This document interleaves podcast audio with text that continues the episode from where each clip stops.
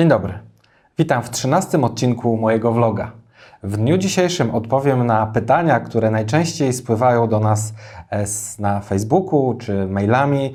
Chciałbym również zachęcić do zapoznania się z sekcją QA na mojej stronie kamilchwiedosik.com, natomiast postaram się również w dzisiejszym materiale przedstawić Państwu odpo- kilka odpowiedzi na najbardziej palące w ostatnich tygodniach pytania. A więc pierwsze pytanie dotyczy mm, możliwości zawieszenia spłaty rat kredytowych. Otóż e, przygotowaliśmy mm, w ramach Centrum Prawa Finansowego i Ekonomii e, dosyć mocną argumentację e, w celu złożenia takiego wniosku do sądu o zabezpieczenie roszczenia. Oczywiście jest to zabezpieczenie w trybie artykułu 755 z punktem 1, e, co w związku z artykułem 730 paragraf 1 i 2 oraz artykułem 730 e, z cyferką 1 paragraf 1 KPC możemy osiągnąć przede wszystkim sądowe zabezpieczenie do czasu prawomocnego wyroku. No i teraz, czym jest to zabezpieczenie? To są najczęściej zadawane pytania, właśnie w jaki sposób ma się objawiać takie zabezpieczenie. No oczywiście, jakie są szanse na to, żeby takie zabezpieczenie miało, e, było przez sąd ustanowione. A więc, e, można przede wszystkim zwrócić się do sądu o zabezpieczenie w postaci zawieszenia spłat rat kredytowych i e, ubezpieczeń. Znaczy, oczywiście w zakresie mm, e, później decyzji, postanowienia sądu, to już jest tylko i wyłącznie wola sądu, czy wyrazi zgodę na takie czy innego rodzaju zabezpieczenie, ale również e, w ramach tego zabezpieczenia roszczenia możemy zwrócić się do sądu, mm, co wynika również z tego pierwszego roszczenia, o zakaz wypowiadania umowy przez bank na czas właśnie prowadzenia postępowania aż do jego prawomocnego zakończenia. Dużo bardziej rzadszym e, sposobem zabezpieczenia jest możliwość dochodzenia również pieniędzy, które są wartością przedmiotu sporu w takim pozwie. E, Natomiast po uwzględnieniu takiego mm, wniosku przez sąd, czyli w, w momencie wydania postanowienia o zabezpieczenie roszczenia, e, dochodzi tak naprawdę do pewnego rodzaju e, re- realizacji na przyszłość różnego rodzaju, w tym konkretnym przypadku już obowiązków kredytowych. I tutaj trzeba zwrócić uwagę, że takie roszczenie jest możliwe tylko wówczas, kiedy mamy e, roszczenie o zabezpieczenie roszczenia, e, o, przepraszam, o stwierdzenie nieważności umowy w związku z artykułem 189 KPC, e, co oczywiście przekłada się również na inne artykuły przepisów kodeksu cywilnego. Natomiast dzięki temu Frankowicz, można powiedzieć otwarcie, już nie będzie musiał płacić nieuczciwie zawyżonych rat kredytowych od dnia wydania takiego postanowienia lub oczywiście od momentu, kiedy sąd to uzna za stosowne. Natomiast to są bardzo bliskie daty tego postanowienia. I e, co jest najważniejsze, to tak naprawdę przez ten wstrzymanie obowiązku płacenia rat również e, z tego tytułu wiąże się potencjalne ryzyko, że w przypadku, kiedy takie mm, roszczenie e, będzie zabezpieczone, a następnie upadnie w wyniku negatywnego e, wyroku prawomocnego, no to trzeba zwrócić uwagę również na to, że e, wówczas trzeba będzie uregulować e, wszystkie płatności za czas, który w ramach tego e, zabezpieczenia nie były wpłacane raty. Oczywiście, wracając jeszcze do samego zabezpieczenia, również bank nie ma prawa wpisać państwa do BIK-u. No i tutaj mm, w każdej sprawie cywilnej w zasadzie można powiedzieć, że sąd czy też sąd polubowny, natomiast akurat w, w tego rodzaju sprawach nie, nie prowadzimy postępowań przed sądem polubownym, można żądać udzielenia takiego zabezpieczenia. Czyli tutaj nie chodzi o rodzaj sądu, tylko chodzi o kwestię właśnie konkretnie zabezpieczenia pod e, roszczenie o stwierdzenie, ustalenie nieważności tej umowy. I na podstawie artykułu 730 udzielenia zabezpieczenia może żądać każda strona lub uczestnik postępowania właśnie w, celu zabezpieczenia na przyszłość potencjalnych ryzyk związanych czy to z em, brakiem możliwości, e, można powiedzieć, realizacji tego wyroku przez e, wierzyciela, w tym przypadku przez bank. Natomiast oczywiście trzeba mieć już uprawdopodobnione roszczenie oraz również interes prawny w udzieleniu takiego zabezpieczenia. I tutaj e, jako interes prawny mówimy oczywiście o e, przepisach opartych na, e, 700, na artykule 730 z cyferką 1, em, paragraf 2 KPC, e, zgodnie z którym właśnie ten interes prawny e, w udzieleniu zabezpieczenia istnieje wówczas, e, kiedy brak jest, i tutaj oczywiście wszystko zależy od interpretacji sądu, mm, można powiedzieć, pewnego rodzaju możliwości mm, udostępnienia później w ramach takiego wyroku e, szans na jego egzekucję.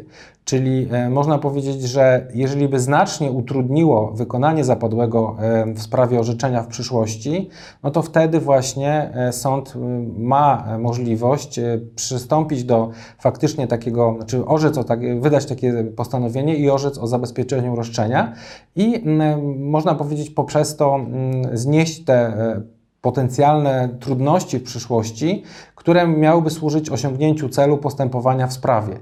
Czyli tutaj można powiedzieć, że sąd e, może udzielić takiego zabezpieczenia przed nawet wszczęciem e, postępowania lub już w razie, w, znaczy w jego toku, przy czym to, co powiedziałem wcześniej, już musi być uprawdopodobnione, że to roszczenie jest faktycznie zasadne. No i tutaj należałoby nadmienić oczywiście, że tego rodzaju zabezpieczenie roszczenia e, bardzo mocno zależy od indywidualnej oceny zarówno e, każdej sprawy, jak i też banku, do którego potencjalnie wystosowało się wcześniej roszczenie. I nie odbywa się ono oczywiście automatycznie. Czyli tutaj w tym przypadku chciałbym przede wszystkim podkreślić, że mm, to bardzo mocno trzeba zweryfikować pod kątem każdej konkretnej sprawy. No i do tego oczywiście zachęcam, aby sprawdzić, czy w Państwa przypadku byłoby to możliwe. E, kolejne pytanie, które poniekąd też wiąże się z niepłaceniem rat, e, czy pytanie dotyczące tego, czy komornik może zająć nieruchomość, jeżeli przestanie się płacić raty kredytu. I tutaj odpowiedź e, jest wprost, czyli nie, nie może komornik po prostu z uwagi na brak płatności rat zająć nieruchomości. Oczywiście my mówimy o sytuacji automatyzmu, czyli tutaj też nie, nie występuje automatyzm, gdyż bank musiałby mieć po prostu prawomocny wyrok wydany w konkretnie z powództwa banku. Czyli tu tutaj można powiedzieć, że od momentu powiedzmy zaprzestania płacenia rat, oczywiście mówimy o zaprzestaniu e, bez takiego postanowienia, o którym mówiłem wcześniej, tylko po prostu z własnej inicjatywy, e, bo są też tacy frankowicze, którzy po prostu już nie mają z czego płacić. Sąd nie, nie godzi się na, na zabezpieczenie w postaci wydania takiego postanowienia.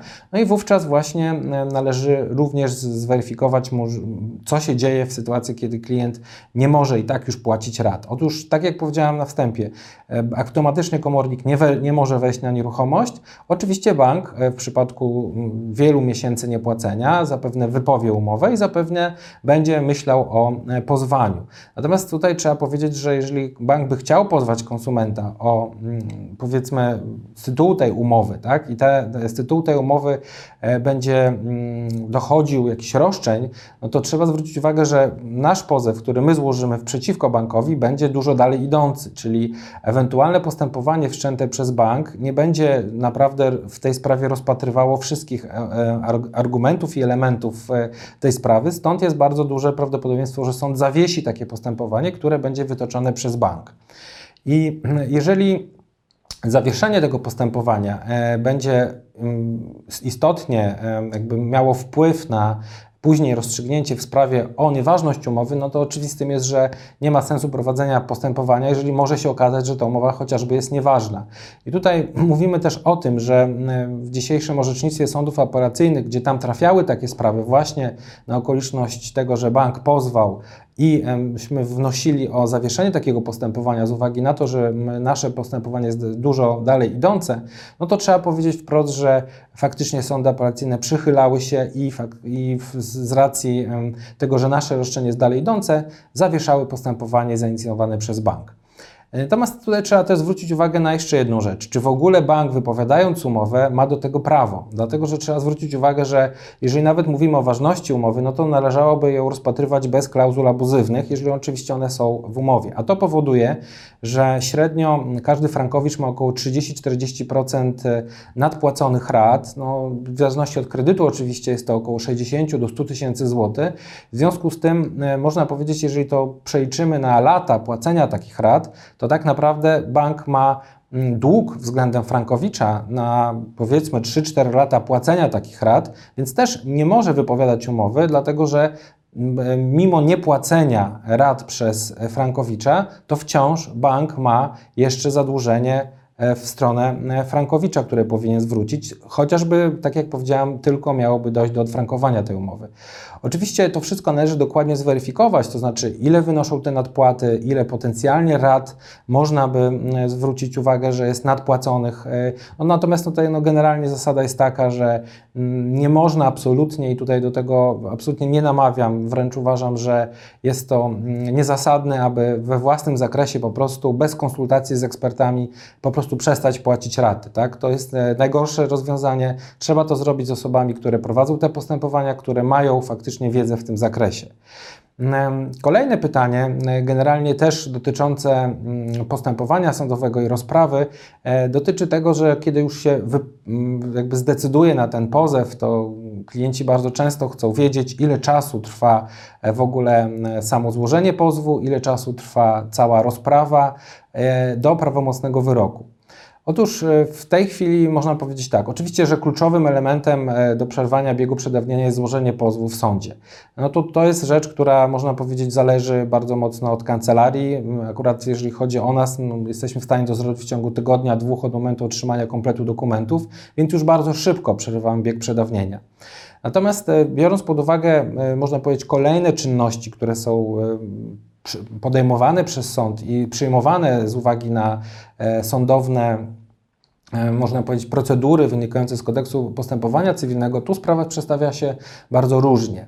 E, dlatego, że pierwsza rozprawa w różnych przypadkach może być, e, można się spodziewać jej w terminie nawet kilku miesięcy od momentu złożenia takiego pozwu, ale są też sędziowie, którzy prowadzą postępowania w inny sposób, na przykład po roku dopiero jest wyznaczany pierwszy termin, ale następne terminy są już bardzo bliskie.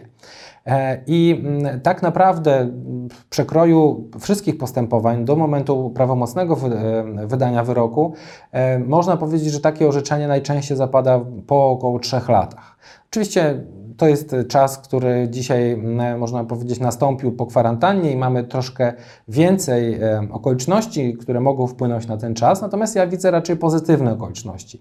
W pierwszej, e, w pierwszej kolejności na razie zwrócić uwagę, że zmieniły się dosyć mocno, nazwałbym to schematy prowadzenia postępowania sądowego, z uwagi między innymi na okoliczności wynikające z zmian w procedurze kodeksu postępowania cywilnego, czyli na wprowadzenie po prostu nowych przepisów, wprowadzonych zarówno po kwarantannie, czyli po zniesieniu e, zakazu odbywania rozpraw w sądzie, jak i jeszcze w listopadzie 2019 roku. Otóż ustawa w ramach e, tarczy antykryzysowej wprowadziła bardzo dużo ułatwień dla sądu w prowadzeniu takiego rodzaju postępowań. Mam tutaj na myśli Dziennik Ustaw, pozycja 875, która weszła w życie 16 maja 2020 roku. I ona tutaj dodatkowo wsparła to, co, o czym powiedziałam chwilę wcześniej, nowelizację mm, z dnia 4 lipca 2019 roku, e, która weszła w życie w listopadzie 2019, ustawy o zmianie ustawy Kodeks Postępowania Cywilnego. E, I e, w tym zakresie e, można powiedzieć, że były również zmienione niektóre inne ustawy. Tutaj mowa, mowa między innymi Dziennik Ustaw, pozycja 400, 1469 i na podstawie właśnie tych zmian omówionych chwilę wcześniej sędziowie coraz częściej da się zaobserwować, że decydują się na przeprowadzenie dowodu w trybie chociażby artykułu 271 z cyferką 1 KPC. To jest zeznanie świadka przeprowadzone na piśmie. To znaczy wygląda to mniej więcej w ten sposób, że może e, sąd wysłać pytania obu stron i własne do świadka, który musi po prostu zamiast stawiać się w sądzie, wysłać odpowiedzi na te pytania do sądu. E, ponadto jeszcze jest możliwość wprowadzenia, przeprowadzenia rozprawy w e, trybie posiedzenia niejawnego na podstawie artykułu 183 z cyferką 8 paragraf 5 KPC za pomocą urządzeń do bezpośredniego przekazu obrazu i dźwięku. Oczywiście chodzi tu o systemy sądowe, które umożliwiają korzystanie na odległość e, z e, przeprowadzania rozpraw. E, są to oczywiście rozwiązania bezpieczne, przez sąd wprowadzone w specjalnym trybie.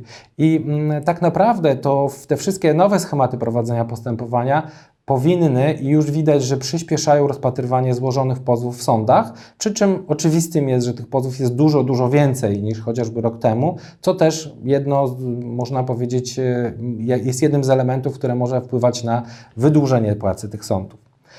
Kolejnym pytaniem, które mm, można powiedzieć dotyczy już e, efektu, efektu tego postępowania i końca tego mm, sporu z bankiem, jest to, czy faktycznie banki po unieważnieniu kredytu, czy też odfrankowaniu wypłaca zasądzone kwoty, czyli po prawomocnym wyroku, jeżeli sąd zasądza kwoty, czy bank faktycznie mm, będzie realizował ten wyrok. No tutaj oczywiście odpowiedź jest pozytywna, to znaczy w przypadku prawomocnego e, wyroku bank ma obowiązek realizacji zasądzonego e, orzeczenia sądowego e, niezwłocznie. Niezwłocznie to znaczy w zasadzie kolejnego dnia po, po uprawomocnieniu się takiego wyroku.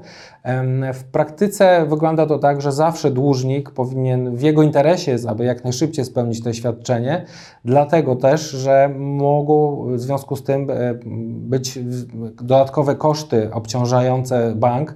I w tym przypadku, no, oczywiście takie sytuacje nie zdarzały nam się osobiście, ale no, trzeba pamiętać o tym, że dlatego prawdopodobnie się nie zdarzały, dla, e, z uwagi na fakt, że może bank mieć pewnego rodzaju jakby powiedzmy większe koszty, tak? czyli może narazić się na przede wszystkim odsetki karne na, przez czas nie, nie, nierealizacji tego wyroku, ale co najważniejsze, bardzo wysokie koszty komornicze. Trzeba pamiętać, że tutaj w skali całego kraju e, każdy dzień zwłoki e, przez wszystkie banki, jeżeli one by przestały, e, znaczy nie chciałyby realizować takich płatności, to tak naprawdę wprowadziłyby ogromne koszty, no bo trzeba pamiętać, że tak naprawdę wypłata tych, tych środków dla kredytobiorcy, no to już jest po prawomocnym wyroku absolutnie podstawowy obowiązek strony, która przegrywa i tutaj pełnomocnik banku powinien z tego e, jakby poinformować swego e, powiedzmy mocodawcę, czyli w tym przypadku bank, o konieczności opłaty tego. E, Dlatego, że później opłata zgodnie z artykułem 27 e, ustawy o, e, o komornikach e, mówi, że opłata stosunkowa w sprawach o egzekucję świadczeń pieniężnych no, niesie nawet bardzo wysokie, e, można powiedzieć, kwoty procentowe od uzyskania później pieniędzy przez komornika, czyli to jest nawet 10% em, tego świadczenia. Oczywiście, jeżeli będzie to spłacone bezpośrednio, e, bez e, powiedzmy jakiegoś tam dłu- dłuższego procesu przez komornika przeprowadzonego, czyli jeżeli ta egzekucja nie będzie zbyt długa, no to ta kwota spada do 3%, no ale to też jest bardzo wysoka kwota, dlatego że komornik posiada system tak zwane ogniwo, w którym tak naprawdę bez żadnego problemu potrafi ściągnąć pieniądze z banku i bez problemu również te pieniądze byłyby następnie przekazane do e, kredytobiorcy, do frankowicza. Także powiedziałbym tak, no tutaj oczywiście kwoty, które potencjalnie są zagrożeniem dla banku, jeżeli by faktycznie nie wypłacił tych kwot, są bardzo duże. Ja nie znam takich sytuacji, żeby bank nie wypłacił koniec końców tych pieniędzy. Znam sytuację, kiedy Getin jeszcze dwa lata temu e, wpadł na taki pomysł, że nie będzie realizował takiej płatności. Oczywiście skończyło się to, tak jak powiedziałem wcześniej, na egzekucji komorniczej.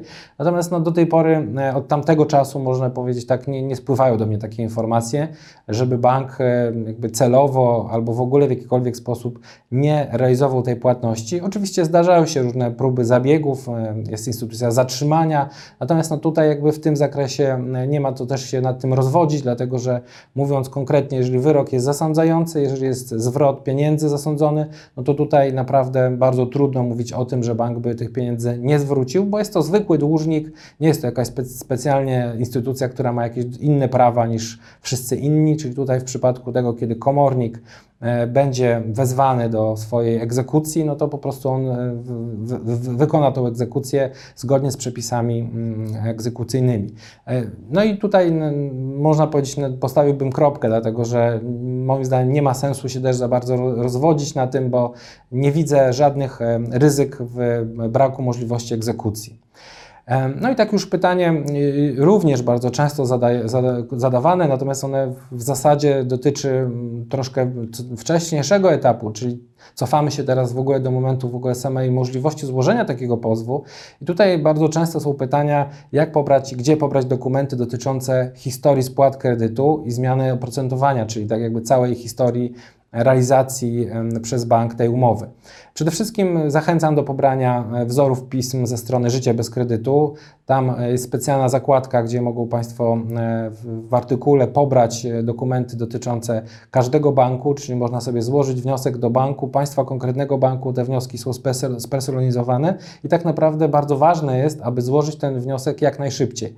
Dlatego, że w momencie, kiedy Państwo zdecydują się na pozwanie banku, to tak naprawdę mamy mm, już wówczas możliwość, e, kiedy wcześniej będzie to zaświadczenie wydane przez bank, już możli, mamy możliwość w ciągu 7-14 dni od razu złożyć ten pozew. Natomiast jeżeli Państwo e, zamierzają złożyć e, pozew, a mm, dopiero w momencie podpisania umowy zgłaszają się do banku po wydanie historii spłat kredytu i oprocentowania, wówczas niestety bardzo często jest tak, e, poza bankami dwoma, M-Bankiem i Millennium, bo tam można pobrać we własnym zakresie te dane, ale bardzo często jest tak, że trzeba czekać na historię tych spłat, nawet powiedziałbym przez kilka tygodni.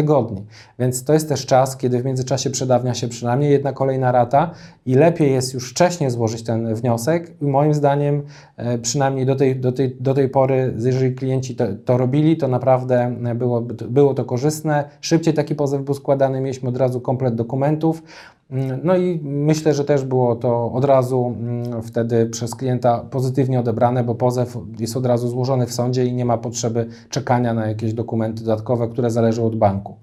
Oczywiście nie trzeba mieć tego wniosku, jeżeli ktoś go jeszcze nie pobrał, no to można y, również skorzystać z formularzy bankowych, natomiast myślę, że wniosek w pewien sposób standaryzuje to, co my potrzebujemy z banku i wówczas takie faktycznie informacje są przekazywane. I tutaj trzeba zwrócić przede wszystkim też uwagę na to, że Przedawnienie się tych rat jest sukcesywnie 10 lat wstecz od momentu ostatniej wpłaconej raty. Czyli tutaj nie przedawnia się całe roszczenie, a jedynie poszczególne raty. Czyli na dzień dzisiejszy można powiedzieć, że przedawniają się raty, które mamy w, Państwo wpłacali w 2010 roku. Natomiast no, też takie wydłużanie wydawania tego zaświadczenia jest na korzyść banku, dlatego że e, tak naprawdę każdy miesiąc dłużej to dla całego systemu, dla, całego, dla wszystkich banków jest to ogromna kwota, no bo z każdym miesiącem dla każdego frankowicza przedawnia się jedna rata. Czyli w skali całego kraju, e, jak wyliczyliśmy to sobie w, w, niedawno, tak naprawdę zysk dla banków, dla, całego, dla wszystkich banków z tego, że e, frankowicze jeszcze nie złożyli pozwu, jest w, wyliczany na okolice 6 miliardów złotych rocznie, tak? Czyli to są ogromne pieniądze wynikające, zysk banku wynikający tylko z tego, że bank nie został pozwany przez danego frankowicza. To były na dzień dzisiejszy wszystkie pytania, które e, chciałem poruszyć. Oczywiście w kolejnych odcinkach będziemy starali się przedstawić więcej e, informacji bieżących. Na dzień dzisiejszy bardzo dziękuję. Pozdrawiam serdecznie. Do zobaczenia.